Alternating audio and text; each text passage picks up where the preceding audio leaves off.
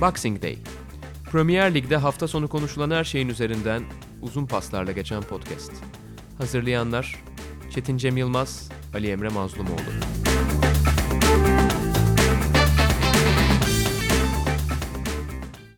Sokrates Podcast'in İngiltere Premier Ligi konuştuğumuz programı Boxing Day'e hoş geldiniz. Ben Ali Emre Mazlumoğlu, Çetin Cem Yılmaz'la birlikte bu haftayı da değerlendireceğiz. Hemen beklenen maçla başlayalım. Liverpool Manchester United deplasmanında konuk oldu. Aslında maç öncesinde şöyle bir iki taraf vardı. İlk taraftakiler performans farkına bakarsak Liverpool bu maçı alacak 3 puan cepte havasındaydı ama bir de diğer taraf vardı. Ya bir durun kardeşim bu Manchester deplasmanı deplasmanı Old Trafford'a çıkıyoruz. Bu kadar e, kolay da bir galibiyet gelmeyecek. Farklı şeyler izleyebiliriz diye düşünüyordu. Tam da o ikinci tarafın aslında beklediği gibi oldu ve maç 1-1 sonuçlandı. Evet her zaman baktığımızda yani e, İngiliz futbolundaki en önemli rekabet bu. Hani te, e, teknik olarak bir derbi değil ama Manchester United Liverpool her zaman bu işin en fazla iki takımların iki takımın form durumu sıralamadaki yeri ne olursa olsun en önemli rekabettir. E, geçtiğimiz haftalarda da konuşurken e, bunu açıkçası yani altını çiziyordum Liverpool'un City'nin puan kayıpları sonrası aslında Liverpool'un e, Liverpool adına şu açıdan iyi haber. Liverpool buralarda puan kaybedebilir. Bunun için bir kredisi oldu diyordum. Liverpool açıkçası biraz o krediyi e, cebinde tutarak geldi ve e, harcaması harcamaya değer olan bir krediyi harcadı Old Trafford'da. Kağıt yani maç sonuna baktığımızda durum bu. Fakat e, maçın hikayesi başka şeyler üzerinden gelişti. Yani geçtiğimiz yıllarda baktığımızda biraz dağınık girdim. Tekrar şöyle geriye dönerek toparlayayım.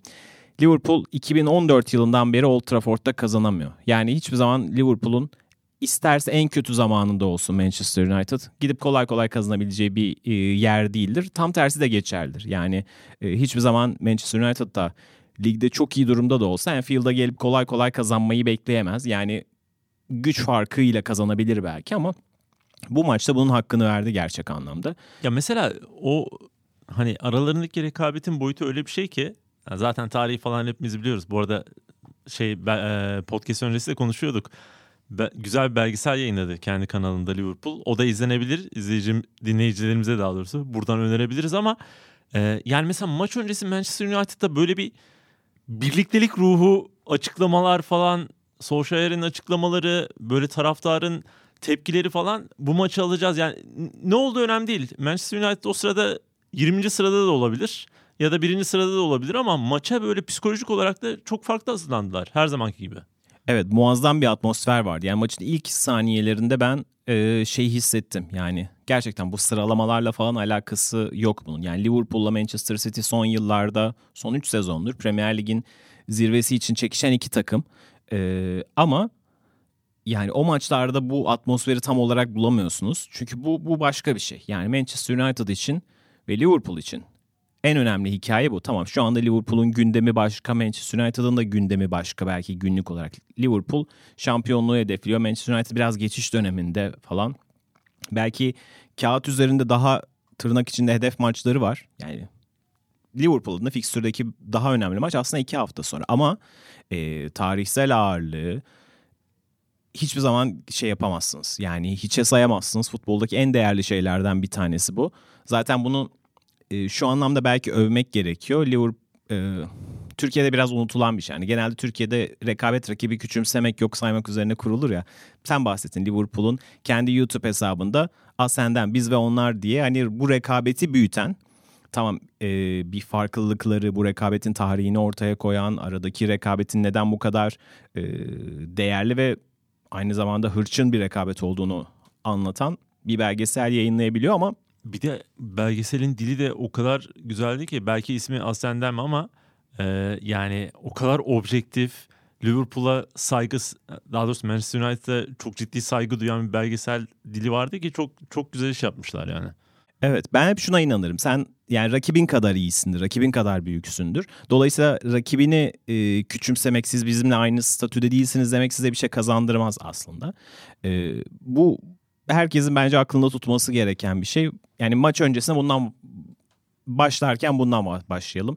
Dediğim gibi bu bir şampiyonluk maçı değil belki ama e, Old Trafford öyle bir atmosfer vardı ki Liverpool'un bu sene oynayacağı en hani düşmanca atmosfer buydu yani muhtemelen. Şampiyonlar Ligi'nde belki çok çok büyük e, maçlar oynayabilir ligin ilerleyen safhalarında. ikinci yarıda işte atıyorum e, Manchester City'de Etihad'a gittiğinde de belki neredeyse şampiyonluk maçı oynanacak falan filan ama bu kadar yoğun bir atmosferde Liverpool oynamayacak. Bu çok e, değerli bir şeydi. Oyuna gelirsek e, Manchester United'ın bayağı hani sırtı duvardaydı açıkçası. Yani Liverpool bu hafta da kaybetseler ne olacaklardı? 9 puan hani Brighton'ın Brighton aynı sırada kalacaklardı. Ha şu anda aldıkları puan e, onlar adına aslında kayıp oldu. Fakat oyun anlamında belli bir e, moral kazandılar. Çünkü oyun Manchester United'ın istediği gibi oynandı. E, plan büyük ölçüde istedikleri gibi oldu. Hani o üçlü savunma hattı önündeki dörtlü blokla Liverpool'u bayağı pasifize ettiler. Liverpool'un o 4-3-3'ündeki zaten Salah'ın yokluğuyla e, eksilen ileri uç ve hemen arkasındaki orta saha yaratıcılıktan çok uzaktı. Hani şartlar buyken Mane'den bir patlama beklenirdi. Mane beklendiği gibi değildi. Firmino kayboldu. O ligi zaten yani bu sene neredeyse hiç yok diyebiliriz. Hani e, orta sahada Liverpool'un bazen bu kadar işte zorlandığı, sıkıştırıldığı maçlarda yaratıcılıktan uzaklaşıyor. Ve Liverpool adına 70 dakika neredeyse tamamen kayıp bir e, oyundu. Ben açıkçası Manchester United'ı çok takdir ettim ve beğendim de oynanması gerektiği gibi oynadılar. E, Klopp maçtan sonra çok sinirliydi. Dedi ki işte biz her zaman United'la oynuyoruz yıllardır ve United kapanıyor. Hani bu bir rekabet diyor ama iki tane taraf oluyor diyor. Bir tane taraf savunuyor, bir tarafta oyun oynamaya çalışıyor diyor. Yani bir yerde hak yani bu konuda bu maç özelinde çok haksız bence. Çünkü Liverpool oynamadı. Yani Liverpool bu maçta şey hiç göstermedi sahaya. Yani biz şampiyonluğa oynayan takımız. Rakip kim olursa olsun tabii ki kapanacak. Her takım kapanabilir. Yani e, çok daha şu anda formda bir takım da olsa kapanabilir. Çünkü e, ligin namalup puan kaybetmemiş takımıyla oynuyorsunuz. Liverpool'un buna alışık olması lazım. Bunu hani küsecek bir şeyi yok bunu. Evet ben de onu diyecektim yani Liverpool sen bunu zaten göze alman gerekiyor. Yani Evet. Manchester City bile topu sana bırakan bir takım haline dönüştü. Yani her takıma karşı böyle oynuyorsun bence çok dert yanacak bir şey değil. Evet. Bir şundan şuna hak verirdim. Geçtiğimiz yıllarda Manchester United'ı çok negatif olarak dizen bir Mourinho vardı ve e, o maçlarda David De Gea'nın insanüstü kurtarışlarıyla beraberliği almıştı. Birkaç tane böyle maç var. Birden fazla var. Hani Liverpool'un işte 25 şut çektiği, e, United'ın 3 şut çektiği falan maçlar var. O maçtan sonra e, hani hani sinirlenebilirsiniz çünkü rakibin size sahaya hiçbir şey koymamıştır falan. Burada oyunun 70 dakikası neredeyse hani topa sahip olma anlamında değil ama pozisyon kalitesi anlamında denk bir maç vardı. Liverpool 75. dakikaya kadar yani neredeyse yoktu. Ama e, bir yerden sonra hem oyuncu değişiklikleri, üçü de çok isabetli değişikliklerdi. Pek çoğu hani pek çok insan burun kıvırmıştır belki ilk Lalana'yı gördüğünde falan ama e, işte o değişiklikler maçı getirdi. Ve açıkçası bunun Liverpool adına eğer bir şey varsa, olumlu bir yan varsa bence çok kötü bir sınav verdi Liverpool. Son 15 dakikayı baskısıyla ve kalitesiyle kazandı ve hani belki 10 dakika daha olsa Liverpool 10 dakika erken uyanmış olsa 2-1'i alabilirdi. Yani çünkü Manchester United şu anda kırılgan bir durumda. Liverpool da çok formda ve e, işte o sağlı sollu ortalardan yavaş yavaş o hani savunmadaki delikleri bulacağı belliydi. Liverpool bunu daha geç yaptı. Yapamamasının sebeplerinden bir tanesi orta sahasındaki üçlü bazen e, fazla tek düze kalabiliyor. Liverpool bence biraz fazla uzun süre bu üçlüyle oynadı o gün. E, böyle maçlarda Henderson biraz kambur haline gelebiliyor. Topu rakip sahada o- tutmanız gerektiğinde yani e, Keita'nın direkt oyunu, Lalana'nın direkt oyunu, yaratıcı oyunu ve Oks'un deliciliği çok çok fark yarattı. Hani bence artık şu anda Liverpool rotasyonunda Origi'nin üstünde yer almalı artık yavaş yavaş Oxlade-Chamberlain. E, Keita yavaş yavaş o iki sezon önce kendisinin Liverpool'un en önemli transferi olmasını sağlayan formuna bir atıfta bulundu. Yani Liverpool adına bir faktör haline gelebileceğini gösterdi. Lallana çok daha uzun bir hikaye. Yıllardır bu takımda iyi dönemleri oldu, dü- düşüşte olduğu dönemleri oldu ama hani rotasyonda belli ki olabilecek bir oyuncu. Çünkü hem e, hücuma yatkınlığı hem işte pasları hem driplingi ceza sahasına dalışlarıyla e, Henderson katamadığı bazı şeyler katıyor. Bir de- Dolayısıyla o da faktör olma e, işaretini verdi. Kulübün bence Lallana özel bir, bir planı da var çünkü sezon başında da daha maçlar başlamadan hazırlık sezonunda da Lallana'yı sık sık e, dahil etmeye çalıştı planlarını. Hatta Regista falan da oynattı bir ara böyle savunmanın hani önünden top çıkaran bir rolde. E, bazı maçlarda da sonradan oyuna da girdiğini gördük. Orada da kopartmak istemedi takımdan. Sanki belirli bir plan dahilinde yani Lallana'ya dair bir kafasında bir plan var. Bu kesin. O plan da bu golle birlikte muhtemelen bu hamleyle birlikte başka bir aşamaya da taşınabilir diye düşünüyorum ki maçtan sonra Lallana da bu benim eee, bir anka kuşu olacak gibi bir açıklama yapmış. Bundan sonra kariyerimi toparlayabilirim diye. İki buçuk yıl aradan sonra o da çıktı gol attı. Ama beni şimdi etkileyen şey maça dair şu oldu. Maçta izlerken benim sıkıldığım dönemler oldu. Dışarıdan bakınca zaten böyle çok ağım şahım bir maç değil. Ee, büyük bölümünde temponun düşük olduğu bir maçtı as- aslında. Ama ben Solskjaer'e mesela Manchester United'a geldiğinden beri taktik anlamda bir iki maç var ama böyle taktik anlamda zekasını gösteren çok şey yapmadığı gibi geliyordu bana hep. Böyle oyuncuları bir kendine getirdi. Bir birliktelik yarattı. Ardı ardına galibiyetler geldi. Ama bunlar sanki böyle taktiksel beceriden ziyade daha mental özelliklerini toparladığı için gelmiş gibiydi. Ama bu maçta ben bayağı bir hayran kaldım. Çünkü gerideki üçlü ve zaten kanatlarla birlikte orayı beşli yapınca Liverpool'un ka- kanatlarını da kanat beklerini de düşündüğünde beşlisine karşı çıkabiliyorsun. Ama bence bunu zaten birçok takımda da izledik şu ana kadar. Liverpool 9 maç yaptı. Karşısına çıkan 4 takım üçlü savunmayla oynadı. Bu çok aslında şey değil. Ee, yani böyle iyi bir fikir, kimsenin aklına gelmeyen bir fikir değil. Mesela diğer maçlar Southampton, Sheffield ve Newcastle maçıydı. Ve bu üç maçta zaten Liverpool'un zorlandığını gördük biz. Belki Newcastle maçını biraz daha rahat kopardı ama diğer iki maç ne kadar zor geçmişti hatırlayacaksın. Yani ee, ben ufak bir çalışma da yaptım. Acaba nasıl oluyor bu iş diye. Liverpool'un üçlü oynayan defanslara karşı kaleyi bulan şutlarda çok ciddi bir geriye düşüşü var. Mesela normalde bu oran 7 küsürken e, dörtlü oynayan takımlara karşı, üçlü oynayan takımlara karşı 5'in altına kadar düşüyor kaleyi bulan şut sayısı. E, burada da yine aynı şey ortaya çıktı. Ama bence dediğim gibi bu kimsenin aklına gelmeyen fikir değildi. Ama Solskjaer'in aklına özel olarak gelen fikir şuydu. Önde Daniel James de Rashford'ı bir kontra tehlikesi olarak serbest bırakması. Ya bu işte bence Liverpool'u çok zorlayan taraf bu oldu. Zaten attıkları golü de düşünce Daniel James aldı. Hı hı. Hızlıca topu getirdi. Rashford'a çevirdi. Muhtemelen şöyle bir goldü. Gece yatmadan önce Solskjaer'in ulan işte benim planlarımda böyle bir gol gelecek falan diye düşündüğü gol bu goldü. Aynısını sahaya yansıtabildiler. Bu anlamda ben çok çok iyi bir hazırlık yaptığını düşünüyorum. Ve Liverpool'u yani ana planda yendi. Bunun başka bir açıklaması yok. Ama bir de ikinci taraftan beni büyüleyen nokta şu oldu. Senin parmak bastın bu sefer ama rakip taraftan Liverpool'dan 4-4-2'ye döndüler. Yani böyle aslında 4-3-2-1 yaptığı bir şeydi ee, Klopp'un. Ama bu sefer sanki biraz daha 4-4-2 gibi. Mane'yi Firmino'nun yanına, at, e, yanına atıp arkada işte Lallana sağda Oxlade Chamberlain solda işte Keita'nın girmesiyle zaten Keita Fabinho oldular. Yani böyle bir anda ileride 5'e 5 kalırken bu sefer şey oldu. Öndeki ikili onun arkasındaki dörtlü bir de kanatlar geldiğinde önde bir anda böyle bir 8 kişi olup ilk kez yani o dakikalarda böyle kendi üçüncü bölgesinde daha fazla adamla e, Manchester yarı sahasında olduğunu gördük. Bu ilk kez e, maç başında itibaren ortaya çıktı ve sonucunu da getirdi. Lalana zaten oradan golü buldu Robon'un ortasında.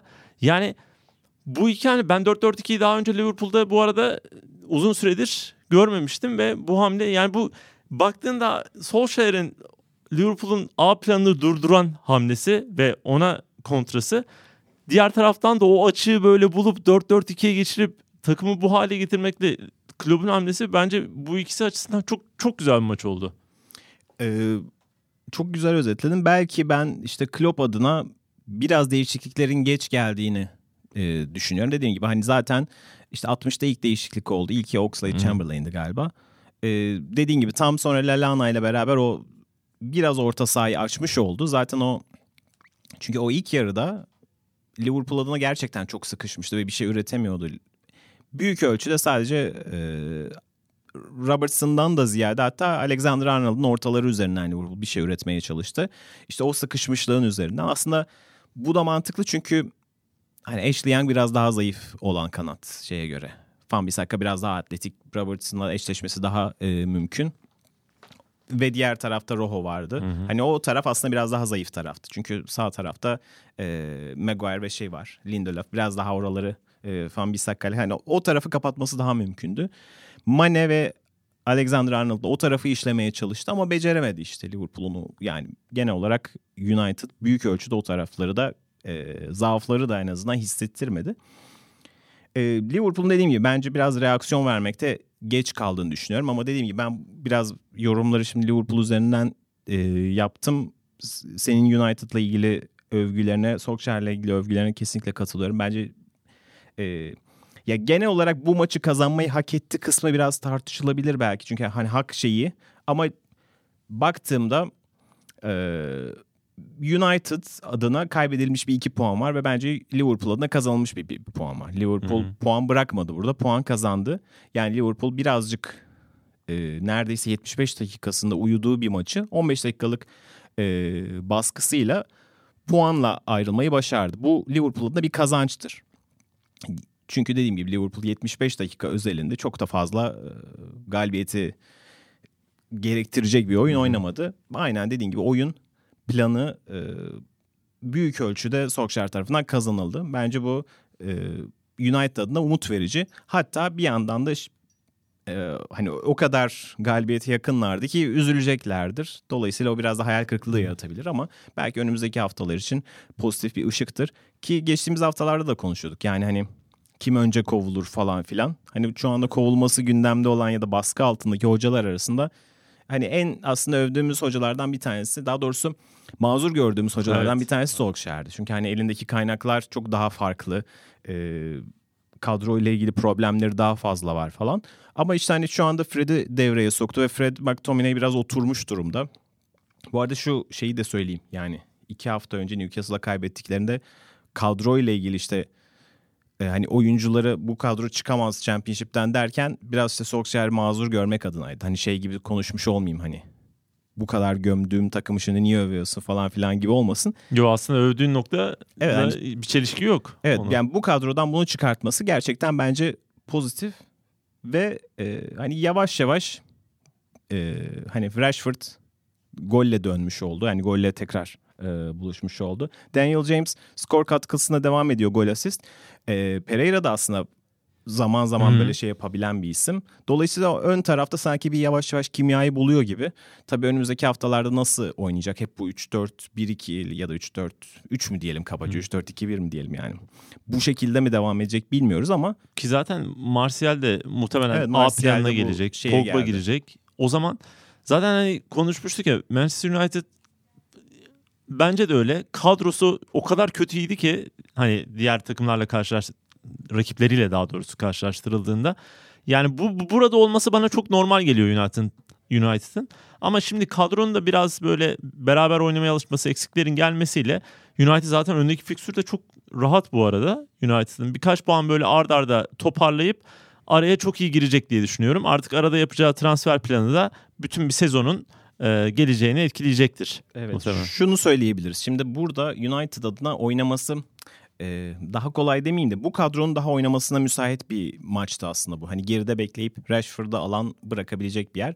Ama e, Manchester United rakibi yığdığında karşısında bekleyen bir takım geldi. İşte mesela 2-3 hafta sonra Sheffield United'la oynayacaklar. Sheffield United dizilecek ve bekleyecek. Şimdi o savunmanın arasında yine o forvet problemleri ortaya çıkabilir. Hani işte Martial'in biraz bireysel e, yetenekleriyle ön plana çıkmasını gerektirecek bazı maçlar olacaktır muhtemelen. Ama bu maç özelinde gerçekten hani eğrisi doğrusuna güzel denk geldi ve e, sonuçta tam olarak istediklerini almasalar da oyun anlamında cesaret verici bir e, işaret oldu kesin. Peki bu soruyu sormadan geçmek istemiyorum. United'ın golünde faul var mıydı sence?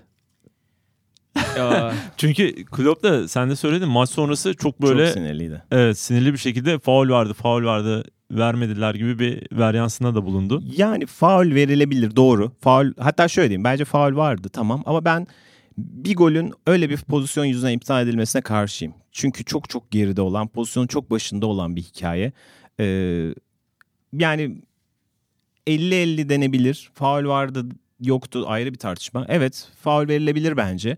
Ama hakemin geri dönüp onun başından yani Liverpool'un bununla çok fazla vakit kaybetmesi, bununla çok fazla kafaca meşgul olması bence çok doğru değildi. Yani ve sonrasında da sürekli şey tartışmaları yapıldı. Hani biraz anlatı da şu anda Liverpool biraz daha formda olduğu için işte Manchester United varla kazandı, varla puan aldı falan filan diye. Hani Bleacher Report bile hani sonuçta sadece taraftar kanallarından bahsetmiyorum. Bleacher Report bile 12. adamı var diye böyle bir şey yaptı. Ee, karikatür yayınladı falan. Hani anlatı bunun üzerinden gelişti. Yani zaten Mane'nin golünde bariz bir şekilde 44. dakikada işte attığı golde tamam. Yani onda yanlış bir şey yok. E, bu golün iptal edilmesi de Premier Lig standartlarındaki var kullanımında mantıklı. Yani çok hani clear ve obvious error Evet, diyorlar. Açık öyle. ve bariz Hı hı. hata değil. Hani hakem onu o pozisyon içerisinde bir şey olarak yorumladı. Ve dolayısıyla vermemesi tutarlı kendi içerisinde. Hani kastettiğim şey bu. Tamam e, faul vardır yoktur ayrı bir tartışma. Ama hakem bunu o anda e, bariz bir hata değil diye düşündü. Sonra tekrar izlediğinde, izlendiğinde de e, hakem kararına sınır bir overrule edecek kadar bariz bir hata olması gerekiyor e, videoda izlenen şeyin.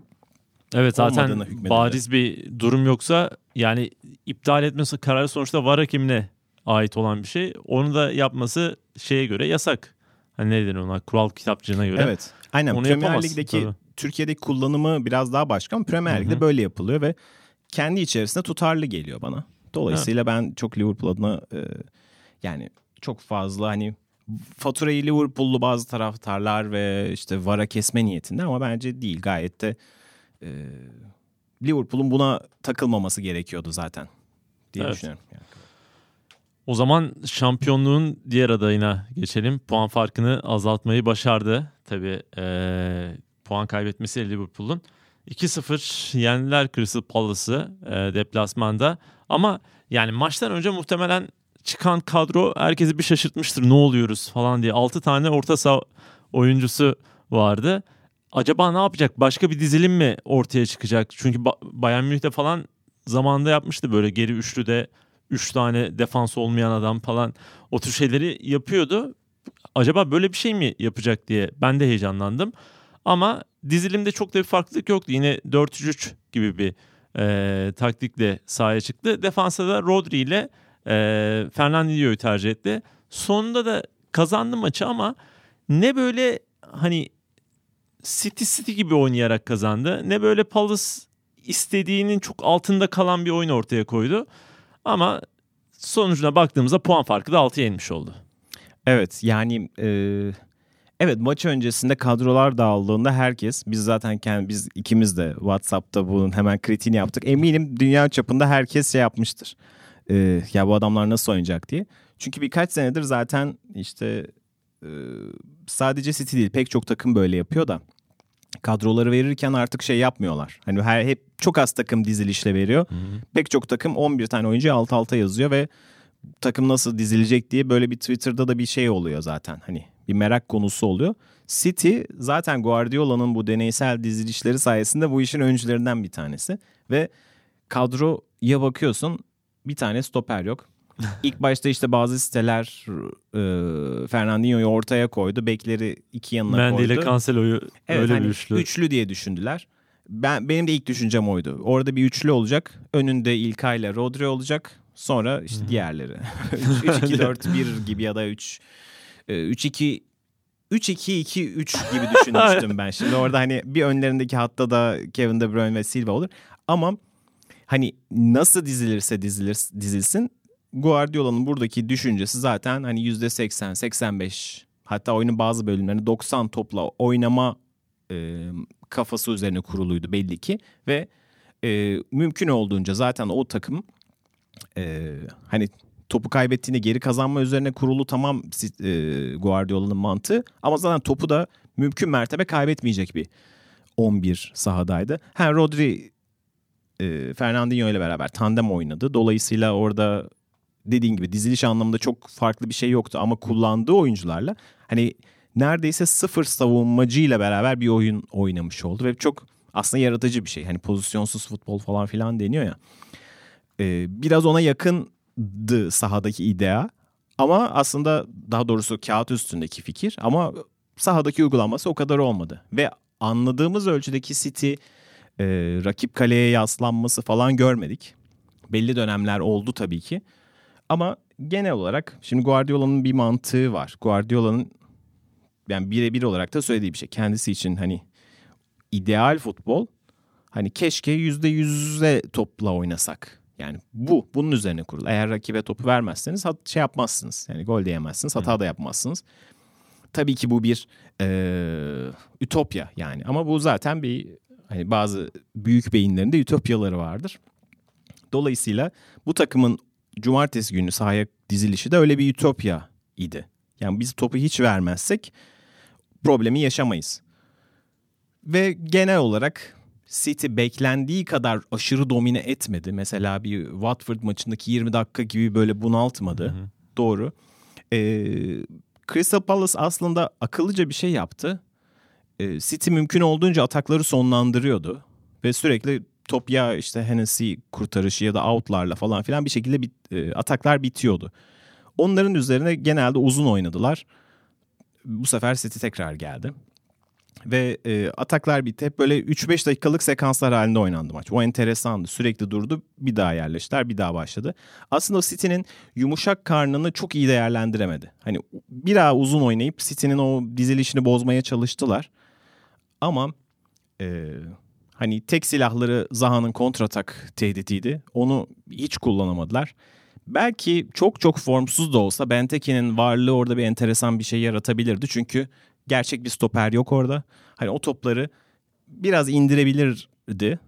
Ben de onu tercih ederdim açıkçası. Çünkü hava topu anlamında ciddi bir zafiyet olan da bir kadro bu evet. Manchester City'nin kad- çıkan kadrosu. Hem duran top tehlikesi açısından hem de şişirmelerde indirmesi zahayı falan bularak indirmesi açısından belki o bir tehlike yaratabilirdi ama o da olmayınca zaten evet. pek bir şey olmadı orada. Hani belki Roy Hodgson hiç böyle bir şey beklemiyordu dolayısıyla Tabii. şey yapmadı. Hani ikinci yarıya sakladı muhtemelen falan denebilir.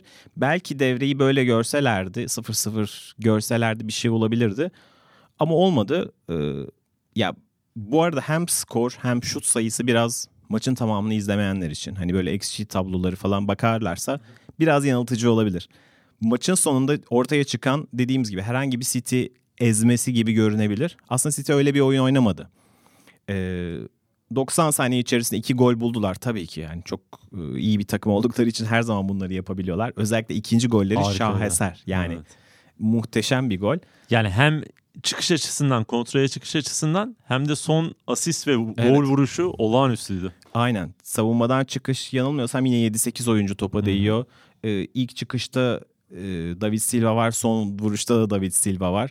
Sterling'in pası harika. Dediğim gibi hem soldan sağa sağdan tekrar sola gelmesi işte Sterling'in o savunmanın arkasına açması falan muazzam işler yani. Gerçekten başyapıt bir gol. Ama hani kafamda canlandığı maç öncesinde işte City e, topu hiç kaybetmemecesine e, tutar ayağında. Rakip e, ceza sahası üzerine yığılır ve baş döndürücü o pas trafiğiyle açığı bulur ve golü atar oyunu değildi aslında. Maçın ikinci yarısında Palace biraz açıldıkça çok bariz gol şansları buldular ve hani hem şut sayısı hem de XG sayıları biraz öyle hı hı. şişti. Ha e, Gabriel Jesus biraz daha az bencil olsa bu maç yine 3'e evet. 4'e gidiyordu hı hı. yani. E, direkten dönen topları da var falan filan. Ama e, City hani heyecan verici bir deneyi baş, e, yüzünün akıyla geçmiş oldu. Ama Palace aslında çok çok e, daha iyisini yapabilecek bir takımdı.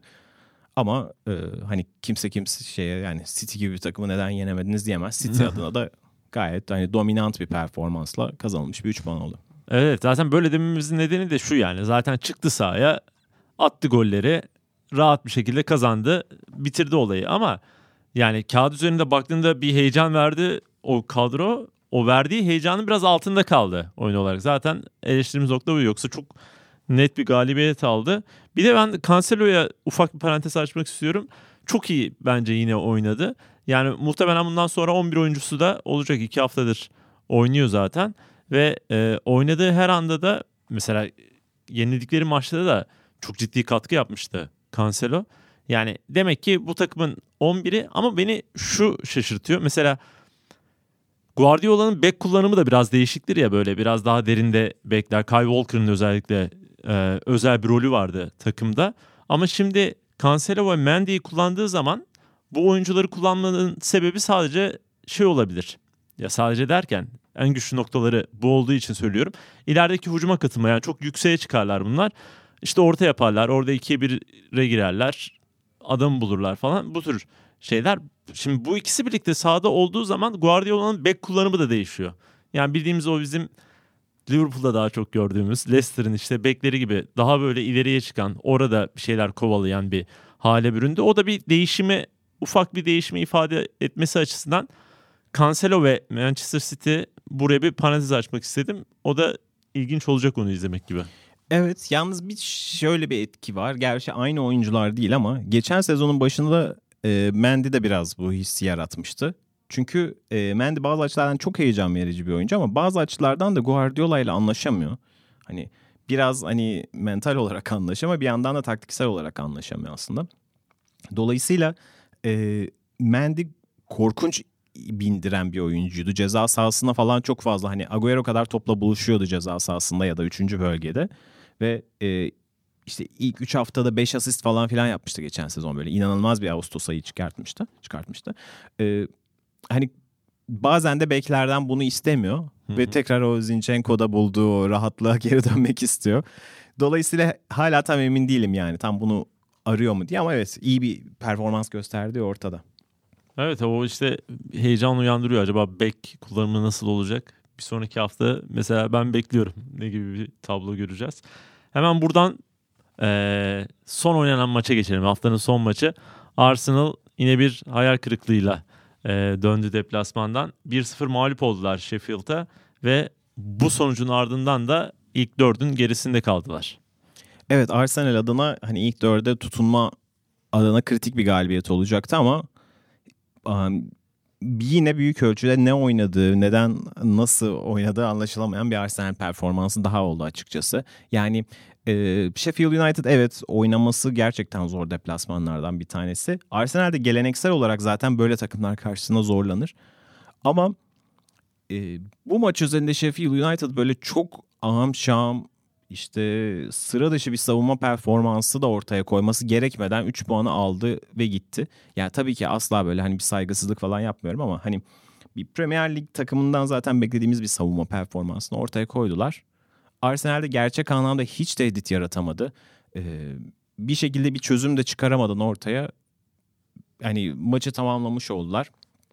Şimdi bu anlamda yine tabii ki Emery tartışması yine alevlenecek e, Arsenal adına e, yani hem oyuncu tercihleri e, tartışmalı hem de ilk haftalardaki hani övdüğümüz zamanlar dışında her programda Arsenal'i hani çözmeye çalışıyoruz ve hala yani anlamış değilim. Evet çok fazla genç oyuncu var ve bazı ligin ilk haftalarında güzel galibiyetler de aldılar falan. Ama hep söylediğim gibi o galibiyetleri aldıkları haftalarda bile bence göz boyayan bazı şeyler vardı. İşte mesela Aubameyang'ın formu biraz göz boyadı ve hani birkaç kere hapisten kurtardı yani Emery'i. Sıralamadaki yerleri çok daha şey olabilirdi. Kötü olabilirdi zaten. Ve yavaş yavaş hani e, daha doğrusu o kalabalıktan sıyrılacakları galibiyetleri alamadılar. İşte puan kayıpları da tekrar başladı. Şimdi 9 hafta oldu. Arsenal'in kazandığı maçlar Bournemouth, Burnley, Newcastle, ee, ve bir maç daha. Yani şimdi bunlar Arsenal adına yeterli değil. Yani tamam kaybettikleri puanlar arasında Manchester United var, Tottenham var. E, Liverpool'a yenildiler. Doğru zor maçlar da oynadılar burada. Ha bir diğeri de Aston Villa pardon. Aston Villa, Bournemouth, e, Burnley. Newcastle, Burnley. Yani şimdi Arsenal'seniz bu maçları zaten kazanmanız bekleniyor. Dolayısıyla bunlar ekstra şeyler değil. Yani dolayısıyla ligdeki en hala nasıl diyeyim e, Geleceği belirsiz. Geleceği belirsiz Evet. ve kazandığı şeylerden sonra övdük. Doğru övdüğümüz zamanları da oldu ama hani araya bir e, şerh düştüğümüz galibiyetler de oldu. Ama açıkçası hala Arsenal adına e, tablo dünden daha karanlık görmeye görünmeye başlıyor bana. Hani pozitifler yok mu? Evet. Genç oyuncular işte Willock, e, Saka falan iyi zamanlar geçiriyorlar. Bugün kötülerdi ama yani hani doğru bunlar gelecek vadeden oyuncular falan filan. Ama Arsenal adına eğer biz Emery'i işte pragmatikliğiyle övüyorsak, Arsenal kötü oynadığında bile kazandı diye bir övgü çıkartmak durumunda hissediyorsak mesela işte Aston Villa maçında ya da işte e, Bournemouth maçında olduğu gibi. Dolayısıyla Sheffield maçında hiçbir çözüm üretemeyen Arsenal'i de eleştirmek durumundayız. Zaten bu tür maçları kazanamadığı sürece artık o pragmatist kimliğinden de yavaş yavaş ödün vermiş, kurtulmuş ya bir sıyrılmış olacak yani. Evet ve zaten şimdi e, hani Watford maçının bir facia olduğunu konuşmuştuk. 30 şut yenen bir maçtı. Bugün de hani 8 şutta falan bitirdi Arsenal. Tam sayıyı son hatırlamıyorum da yani hani bazı maçlar olur. Dediğim gibi hani Arsenal'in geleneksel olarak zorlandığı maçlar olurdu işte. Big Sam'in takımlarını hep çok zorlanırdı ya da Stoke deplasmanında hep puan kaybederdi ama o maçta bakardın işte Arsenal %75 topla oynamış olurdu. Kaleye işte 23 tane şut çekmiş olurdu falan filan. Böyle 18 18 değil de 11 tane korner falan atmış olurdu. Bu sefer hiçbirini yapamadı zaten. Yani dediğim gibi Sheffield United'lı oyuncular böyle hayatlarının en iyi savunma performansıyla çıkmadılar bu maçtan. Zaten yenmesi çok kolay olmayan bir takım ve o 3-5-2'leri zaten sorun yaratıyor yani. Ee, pek çok gelen takıma. Hı hı. Ama bugün özelinde Arsenal e, yani Sheffield United'lı oyuncular hani çok çok aşırı da zorlandıklarını zannetmiyorum yani. Ya ben maçı izleyemedim. Ee, böyle kesik kesik atlaya atlaya daha sonradan kayıttan izledim. Benim gördüğüm kadarıyla Arsenal bir kere ikinci bölgeye bile ulaşmakta acayip zorluklar çekmiş. O öndeki baskıya çok acayip yenik düşmüşler ve oradan top şişirmek zorunda kalmışlar yani birkaç seferden fazla. Yani böyle olunca zaten Sheffield çok rahat şişirilen topları arkada çok güçlü sağlam bir ekip olduğu için tak diye karşılıyorlar. Yani ya nereden bakılırsa bakılsın bir türlü oturmayan orta saha kurgusunun hem top çıkarmada hem ileride topu çıkarttıktan sonra 3. bölgede yaratıcılık konusunda çok ciddi bir başını arttığını arttığını görüyoruz yani Arsenal'ın ve bana şu ilginç geliyor. Yani şuna niye bir çözüm bulamaz bir teknik direktör? Ve yine aynı şeye geliyor ama ya bu şakada falan ısrar etmeler Gerçekten anlamıyorum ya. Gendüz'e şaka şimdi bu sefer bir lakı kullanmış. Yani bazen hani Mesut Özil bir kere kullan bir kere kullandın onda da Sebayos'ta kullandın olmadı. Yani o zaman Sebayos'ta ısrar et. Yani şu orta saha üçlüsünü bir şekilde bir kur. Onun bir yaratıcılık kazansın takımın, katsın takımın ama en önemlisi savunmadan çıkışını kolaylaştıracak bir orta saha kurgusuna ihtiyacı var. Ya bunu yapmakta başar, başarısız olunca ben burada takılıyorum. Hani olabilir takım oturmamış olabilir. Zaten eksikleri var ki bence Arsenal'ın şimdi bu eleştiriyorum ama böyle geleceği de biraz daha iyi olabilir gibi de geliyor bana. Çünkü iki bek oyuncusunu ben bekliyorum. Bayern'le Kieran Tierney'i. Acaba onlar geldiğinde nasıl bir Arsenal olacak onu merak ediyorum. Bir de yani Lacazette biraz daha hani şu sakatlığını atlatsa ileride otursa ne olacak falan diye daha iyi olacağını düşünüyorum ama yine abi o sorun çözülmüyor. Orta sahada işler bir yapı, üretken bir yapı, e, takımı ileriye taşıyacak bir yapı ortaya çıkarmadığın sürece ileride istersen Lacazette oynasın, isterse Salah oynasın. Ne bileyim yani kimi koyarsan koy, Agüero'yu koy. Gene bir, bir şey akışkan bir şey çıkmayacak yani. İşte bu noktada takılıyorum. Takım belki biraz daha iyi olabilir ama orta saha problemini çözmediği sürece Arsenal'ın geleceği senin de söylediğin gibi acayip belirsiz şu anda. Evet yani şimdi bundan sonraki hafta bugün 20 dakika oynadı e, Lacazette. Birazcık artık Lacazette Aubameyang ikilisinin geri dönüşü beklenebilir ama işte Pepe de var. Nasıl bir bu üçlüyü nasıl beraber kullanacak? İşte Lacazette yine şeye dışarı mı atacak ya da Aubameyang'ı mı sola atacak falan. Ya da e, hani 4-3-1-2 mi dönecek falan filan. Ama bir türlü orta sahada evet aranan şey bulunamıyor yani. Aranan kimya bulunamıyor. İşte bu takım uzun mu oynayacak, kısa mı oynayacak onu da çözebilmiş değiller. Ee, yani dediğim gibi oyun anlamında açıkçası çok fazla ışık vermiyor Arsenal. Hani kazandıkları haftalarda bile vermiyordu. Ee, kaybettikleri hafta zaten hiç kimsenin tadı olmuyor. Hani en azından işte iki hafta önce şöyle bir durum vardı. Sadece Liverpool'a yenildi bu takım. Dolayısıyla çok şey yapılacak bir durum yok falan filan. Panik yapılacak bir durum yok. Daha doğrusu Liverpool maçı dışında sadece bir maçı kaybettik falan olarak bakıyorlardı ama açıkçası şu anda e, ona dair de bir e, ışık görünmüyor. Yani illa Arsenal yavaş yavaş yıldız oyuncuların devreye girmesiyle bir şeyler yapacaktır. Ama hani şu ikileme bence koymak gerekiyor. Yani United konusunda United onlardan çok daha kötü durumda. 14. sırada United. Arsenal 5. Ben hani şöyle bir anlatıyoruz ki herhalde bilmeyenler şey Değil Tam tersi. Evet Arsenal düşme potasında gibi. Ama Arsenal'in şu anki durumu bu kadro daha iyi oynar. Bu kadro daha iyisini yapabilir.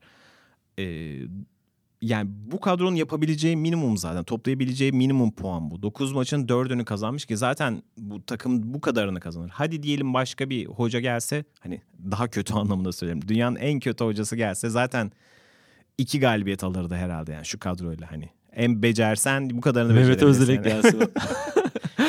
evet. Yani United adına tam tersini düşünüyorum. Yani hangi hoca gel- gelse zaten bu kadarını yapardı falan filan diye düşünüyorum. Ve hani orada yavaş yavaş e, gelişime açık bir durum olduğunu görüyorum. Burada tam tersi. Unai Emery ile belli ki bu kadar oluyor. Ha hani böyle hoca kovulsun da falan değilim ama sürekli hocayla aynı e, hocanın sürekli değiş nasıl denir? Sürekli denemeleri, orta sahada bir türlü doğru e, formülü bulamaması pek de şey vermiyor. Yani hani aynı şeyleri deneyip farklı sonuçlar Evet. alma şeyi vardır ya. Hı hı. Burada da sürekli her hafta bir şey değiştirip yine de ortaya doğru karışımı bulamıyor ve ligin dörtte biri bitti. Hala Arsenal adına anlamlı bir futbol yok sahada. Evet. Yani o konu gerçekten Arsenal'ın başına ağartmaya devam edecek gibi duruyor. Çözümü de şu ana kadar üretememiş bir Unai Emery var.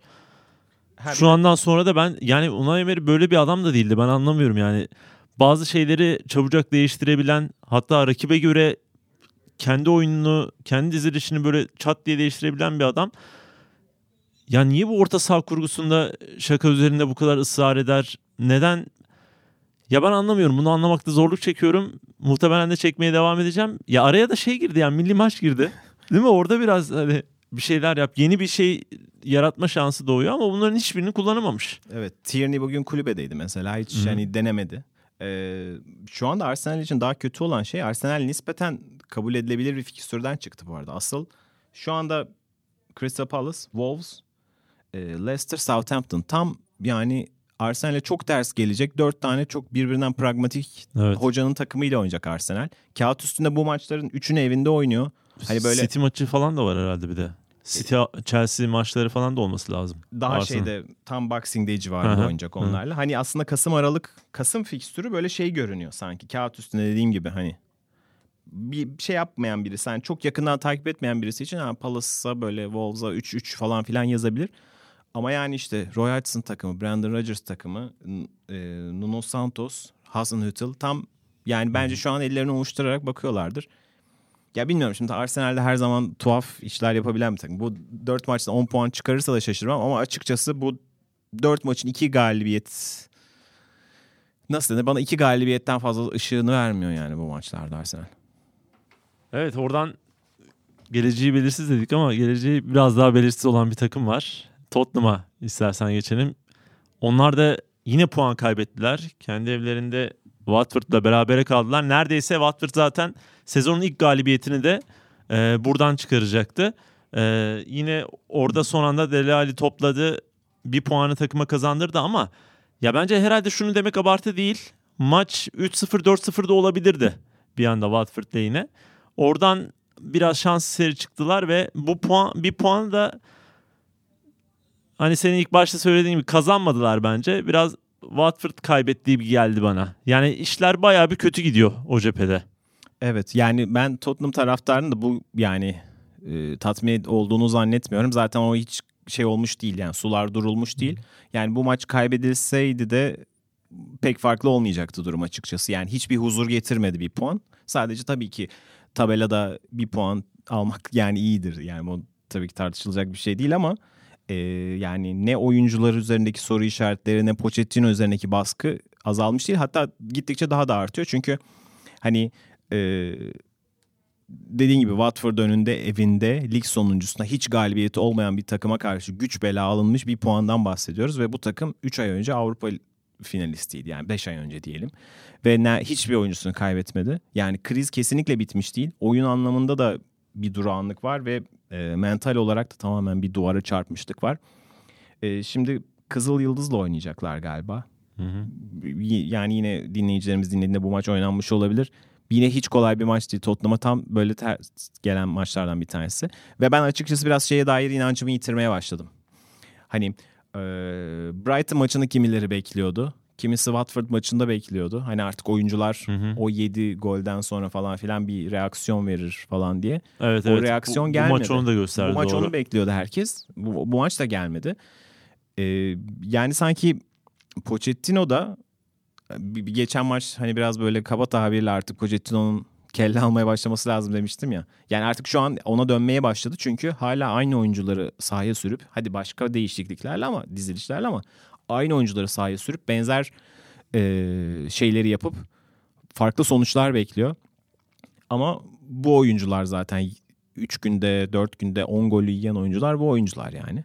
İşte Ve- buna biraz savunmaya problem ya daha doğrusu çözüm olsun diye üçlü savunmayla e, maça başladı ama 6. dakikada da o üçlü savunma delindi. Hemen orada çok ilginç yani top sağdan sola kadar geldi. Dukure geldi golü attı ve o işte ortadaki üçlü Vertonghen, Alderweireld, Sanchez müdahale edemedi. Yani böyle bir kafa olarak da zaten e, bir şeyler bitmiş kafada gibi gözüküyor. Zaten biz bunu sen herhalde ilk podcast ya da ikinci podcast olması lazım. Daha Tottenham'ın bu kadar kötü olmadığı zamanlar işte Bayern'den 7 yemediği, Brighton'dan 3 yemediği, ardı ardına böyle puan kaybetmediği zamanlarda bile söylemiştik. Tottenham'da bir şeyler iyi gitmiyor, geleceği kötü. Hatta Manchester'ın daha iyi, daha belli bir şey gözüküyor falan diye tartışmıştık. Hakikaten de öyle gitmeye başladı. Ya tek çözüm devre arasında bir yenilenmek yapmak. Ya o yenilenmeden de çok hızlı bir tabii ki sonuç çıkmaz. Çıkmayacaktır ama bu şekilde devam ederse Tottenham'ın bence hiçbir şeyi tedavisi yok gibi gözüküyor. Yani aynı oyuncular zaten Pochettino da her maç sonrası işte sürekli şuradaki hata yaptık, şurada iyiyiz. Aslında çok çalışıyoruz, geri döneceğiz diyor ama bence biraz basına herhalde mesaj gönderiyor ya da oyuncular sonuçta bir de yani ilk devrenin bitimine bir sürü maç var. O maçlarda da bu oyuncularla oynamak zorunda. Herhalde çok daha kötü olmasın diye planlıyor. İkinci muhtemelen devre arasında bir şeyler değişecektir. Yani gidenler olacak, gelenler olacak. Bir şeyler değişecek, değişmesi lazım. E, Pochettino ile ilgili işte dediğim gibi benim yani oy, oyuncuların arkasında duruyor gibi. Yani savunma hattında özellikle Alderweireld'de Vertonghen inanılmaz kötü. Ama sanki faturayı da yanlış oyunculara kesiyor gibi. Neden Endombele oynamıyor veya neden Son oynamıyor? Son son son zamanlarda da ayakta kalan birkaç oyuncudan bir tanesiydi ve hani sahadayken niyetinden şüphe etmediğiniz oyunculardan bir tanesi. İşte Lucas Moura gerçekten zaten geçen senenin en kilit anlarında sahneye çıktı ve hani Pochettino'nun belki şu anda kariyerindeki en büyük başarıdaki yani teşekkür etmesi gereken kişi yani. O Ajax maçında çıkıp o devleşmesi, o 45 dakikadaki tarihi performans ortaya koymasa Pochettino'nun hala elinde bir tane bir kozu da yoktu yani şu anda. Taraftarların e, büyük ölçüde desteğini kaybetmiş durumda. Artık hani çok sadık adamlar bile işte şey deme noktasına gelmiş durumda. E, tamam bu adam bizi buraya kadar getirdi ama belli ki bununla olmuyor diyor ama ona inananlar için de bakın bizi nereden nereye getirdi diyor. İşte o nereden nereyedeki nereye kısmı Şampiyonlar Ligi finali. İşte kendisine e, hani kendisini kimin yarı yolda bırakıp kimin yarı yolda bırakmadığını, kiminle devam edip etmeyeceğini sanki doğru tartamıyor gibi görünüyor buradan. Dediğim gibi yani en kritik zamanlarda bile Son, Kane, Lucas Moura, ilk haftalardaki oyunuyla Endombele hani şey yapılacak oyunculardı sanki.